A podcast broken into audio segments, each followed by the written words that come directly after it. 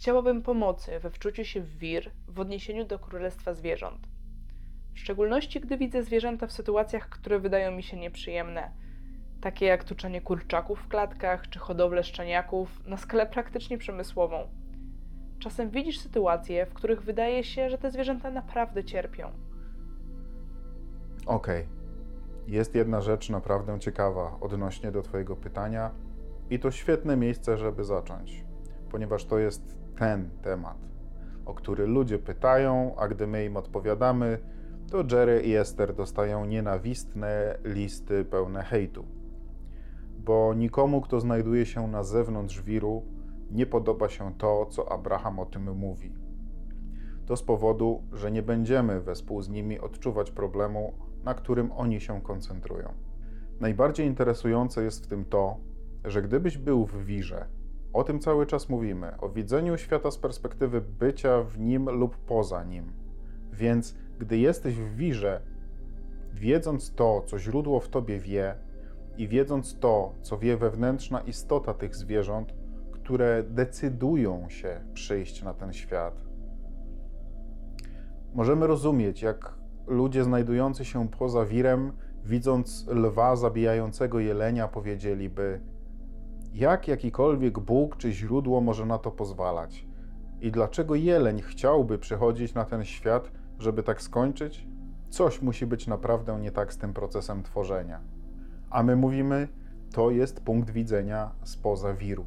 Ale ten jeleń zdecydował się przyjść na ten świat do tego środowiska fizycznego z wewnątrz wiru. Musicie zrobić krok do tyłu i zobaczyć szerszy obraz. I są pewne rzeczy, które musicie wiedzieć, zanim cokolwiek z tego, co Wam powiemy, będzie miało dla Was jakikolwiek sens, czy niosło ukojenie. Pierwszym i najważniejszym jest to, że nikt nie przychodzi na ten świat i mówimy o jakiejkolwiek świadomości, która staje się czymkolwiek fizycznie. Żadna świadomość nie przychodzi na ten świat do tego fizycznego środowiska bez pełnego zrozumienia, do czego przychodzi. Więc, jeśli chcesz zadać naprawdę ważne pytanie, możesz powiedzieć: OK, więc moje ciało składa się z trylionów komórek, z której każda jest świadomością. To dopiero kiepski żywot. Wszystkie stłoczone tam razem w mojej skórze. Abrahamie, czy komórki mojego ciała naprawdę wiedziały, że będą maltretowane w taki sposób? Albo gdy tamta kobieta zrzuciła 40 kilo, ile ze swoich komórek poświęciła? Bo spodziewam się, że całkiem sporo z nich zginęło w tym procesie.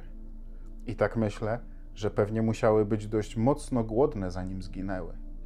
Więc, gdy zrozumiesz, że to świadomość przychodzi na ten świat i przewagą, jaką mają zwierzęta, jest to, że nigdy nie są poza wirem, w przeciwieństwie do ludzi.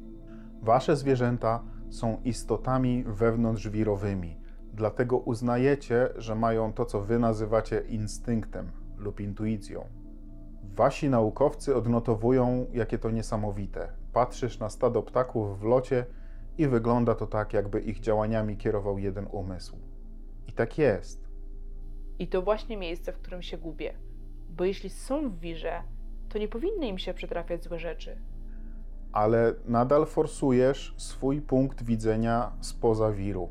Gdy patrzysz na swoje znajdujące się poza wirem dane, obrazy, strony internetowe, fora dyskusyjne, to nigdy nie będziemy cię przekonywać, że to, na co patrzysz, nie jest rzeczywistością. To jest rzeczywistością. Jedyną rzeczą, o jakiej możemy z Tobą rozmawiać, to jaką formę przyjmujesz. I musimy Ci powiedzieć, że przychodzące zwierzęta wiedzą, do czego przychodzą i wybrały tę formę. Innymi słowy, nie niepokoją się tym, nie martwią, nie ubolewają nad swoim losem, siedząc w klatkach. Naprawdę nie. I radzą sobie z tym wszystkim naprawdę dobrze, gdy ty możesz pomyśleć zniewolenie, bo ludzie nie lubią więzień czy szkół. Okej, okay, i one to wybierają, żeby jako świadomość się bardziej rozwinąć? Do większej perspektywy? One wybierają to, ponieważ z ich perspektywy to jest coś wartego wybrania. Widzisz, to nie tak, że kurczak potem stanie się indykiem, a potem zasłuży, by stać się strusiem, aż w końcu kiedyś może człowiekiem. To nie jest tak, to w ogóle nie jest tak. Jest tak, że jest jeden strumień świadomości, który radośnie uczestniczy na wszystkich poziomach. I radość, której doświadcza jakakolwiek świadomość, nie wynika z tego, że porównuje siebie z innymi świadomościami i tym, co one przeżywają. Radość, którą przeżywa jakakolwiek świadomość w danym momencie, jest radością tego, że żyje, przyjmując swoją formę i perspektywę fal wibracyjnych wiru. Zrozumieliście to? Po raz pierwszy to powiedzieliśmy i jeszcze raz powtórzymy, bo chcemy, żebyście to usłyszeli.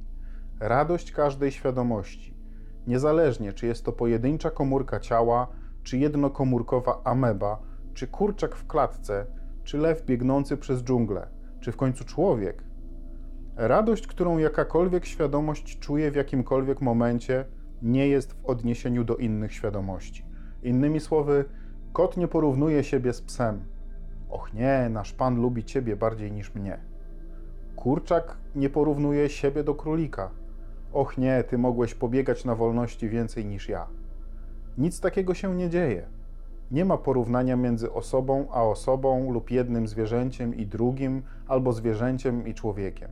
One nie porównują się do siebie, chcąc piąć się wyżej po drabinie ewolucji, jak postrzegają to szaleni patrzący spoza wiru ludzie.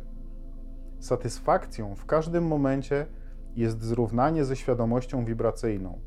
Inaczej mówiąc, człowiek, którego źródło znajduje się w wirze, który sięga po wibracje pozwalające na zgodność, ma satysfakcjonującą chwilę dobrostanu. Kurczak, nawet ten w klatce, czy szczeniaczek w czymkolwiek, ma wewnętrzną istotę, która jest w wirze. I te zwierzęta nieprzerwanie dostrajają się do swojej istoty i znajdują satysfakcję. Dlatego właśnie są chętne, by przychodzić na ten świat. Nie obchodzi ich, gdzie się znajdą w doświadczeniu tego szczytowego punktu czasu i przestrzeni, ponieważ są bardziej od ludzi pewne swojej jedności z tym, kim są. Przyjaciele, wiemy, że niektórzy z Was napiszą po tym listy, ale to jest szczytowy punkt rozumienia. Innymi słowy, nie macie możliwości inaczej tego rozwikłać. Pomyślcie, zróbmy z tego naprawdę ekstremalną konwersację i porozmawiajmy o ludziach i ludzkim cierpieniu i ludzkiej śmierci. Więc ludzie bardziej cierpią z powodu idei śmierci swojej lub tych, na których im zależy, niż ze wszystkich innych powodów razem wziętych. A jednak wszyscy akceptujecie, że to, co nazywacie śmiercią, jest naturalną i nieodłączną częścią tego, co nazywacie życiem. Nikt z Was nie wierzy, że Ty lub ktokolwiek inny przyjdzie na ten świat, przyjmie fizyczne ciało i zostanie na zawsze. Wszyscy wiecie, że nastąpi ten fizyczny koniec tego fizycznego bycia. Akceptujecie to. Chcielibyśmy rozwinąć z Wami ten temat. Jak Wam się to zgadza? Jak to się ma do Waszego powodu, by w ogóle przyjść na ten świat? Sposób, w jaki ludzie myślą o śmierci, sprawia, że w ogóle nie są w stanie zrozumieć swojego bycia. Zdemonizowaliście i skryminalizowaliście śmierć, robiąc z niej rzecz najokropniejszą. My wiemy, że nie mówisz o śmierci, tylko o cierpieniu, ale cierpicie z powodu śmierci. Więc zmierzamy do tego, że wszelka świadomość ma możliwość bycia w chwili radości, niezależnie czy to jednokomórkowa ameba, czy pełnowymiarowy człowiek, gdy tylko zjednoczy się ze świadomością źródła, oraz że Twój ból powodowany jest brakiem tego zjednoczenia. Gdy jesteś zjednoczony, czujesz radość, a gdy nie jesteś, cierpienie. I kiedy to zrozumiesz, że wszystko zależy od Twojego dostrojenia się, wtedy myślimy, że przestaniesz próbować przyjmować tożsamość zwierząt, czego i tak nie możesz zrobić, i to na dodatek w taki sposób, w jaki one i tak nigdy by tego nie robiły. Używając tej nieprawdziwej i niedorzecznej perspektywy jako swojej wymówki do utrzymywania siebie poza wirem. Więc cierpisz z powodu kurczaka, gdy jego to nie obchodzi. Jest tyle istot fizycznych, które nie istniałyby w ogóle, gdyby nie były przyzywane na ten świat dla wzrostu pożywienia. Więc ludzie by powiedzieli: Cóż, wolałbym się w ogóle nie urodzić, niż urodzić się, by potem zostać zjedzonym. I my mówimy: Ale przecież nie jesteś przeznaczony na jedzenie. przynajmniej w większości przypadków. Każdego dnia przy lunchu Ester sprawdza grubość palców Jerego i zawsze mówi: Potrzebujesz deseru, bo inaczej, gdy przyjdzie Baba Jaga, weźmie mnie. Ester oczywiście żartuje i wie, że nikt w najbliższym czasie nie przyjdzie jej zjeść, chociaż ma świadomość, że byłby z niej dobry obiad, gdyby miało się to jednak zdarzyć. Wracając do tematu. Chcemy tylko, żebyście wiedzieli, że zwierzęta się nie martwią. Opowiemy historię, którą pewnie już słyszeliście, bo to jedna z tych, które zawsze opowiadamy przy okazji tego tematu. Jerry i Esther nazwali jedną ze swoich kur renegatką, ponieważ nigdy nie zostawała w zagrodzie z innymi kurami, tylko biegła na podwórko do sąsiada, gdzie były dwa hektary ziemi i pies. Bardzo wielki, okrutny pies. Wabił się przytulak. Pewnego dnia Jerry poczuł bardzo silne natchnienie, by wyjść na zewnątrz i gdy wyszedł, zobaczył, że przytulak dorwał renegatkę. Wisiała bezwładnie jak kawałek szmatki, a przytulak zaczął uciekać. Jerry krzyknął za nim: Przytulak! A ponieważ przytulak jest psem udomowionym i tym samym skłonnym do ludzkiego poczucia winy, upuścił renegatkę natychmiast, gdy Jerry krzyknął. I kiedy kura upadła na ziemię, wstała, otrzepała się i pobiegła do domu. I Ester powiedziała: Abraham, myślałam, że renegatka była martwa. A my odpowiedzieliśmy: Renegatka się właśnie przygotowywała do bycia martwą. Przecież nie ma sensu zostawać na tę część. Świadomość odchodzi dokładnie w doskonałym momencie. Uważamy, że jest zdecydowanie za dużo ludzkiego cierpienia przez coś, czego nie możecie kontrolować, co nie jest waszą sprawą i z powodu, że wybieracie punkt widzenia przeciwny do punktu widzenia waszej wewnętrznej istoty. Wcale nie cierpicie z powodu zwierząt. To nie dlatego boli was serce. Cierpicie, ponieważ patrzycie na to w sposób, w jaki źródło w was na to nie patrzy. I nawet gdybyście mogli się zespolić i dalibyście radę poprzez martwienie się rzeczami przełamać swój fizyczny schemat waszego środowiska i pożywienia, wasza planeta nie byłaby lepszym miejscem. Zawsze możecie narzucić ludziom prawo i tylko zabijać kukurydzę i marchewki. Cokolwiek zdecydujecie. Niedługo będziemy mieli konwersację Abraham, bo tam są te marchewki. I czy ty wiesz, że one spędzają większość swojego życia z głowami zakopanymi w ziemi i pozwala im się jedynie zobaczyć światło słońca przez chwilę, zanim ktoś je zje? Dziękuję, naprawdę bardzo dziękuję. To mi bardzo dużo rozjaśniło.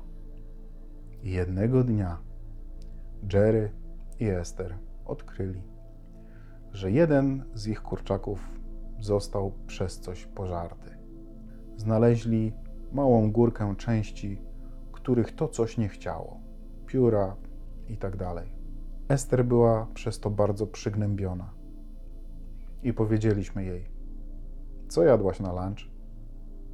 A Ester powiedziała: My jemy tylko nieznajome kurczaki.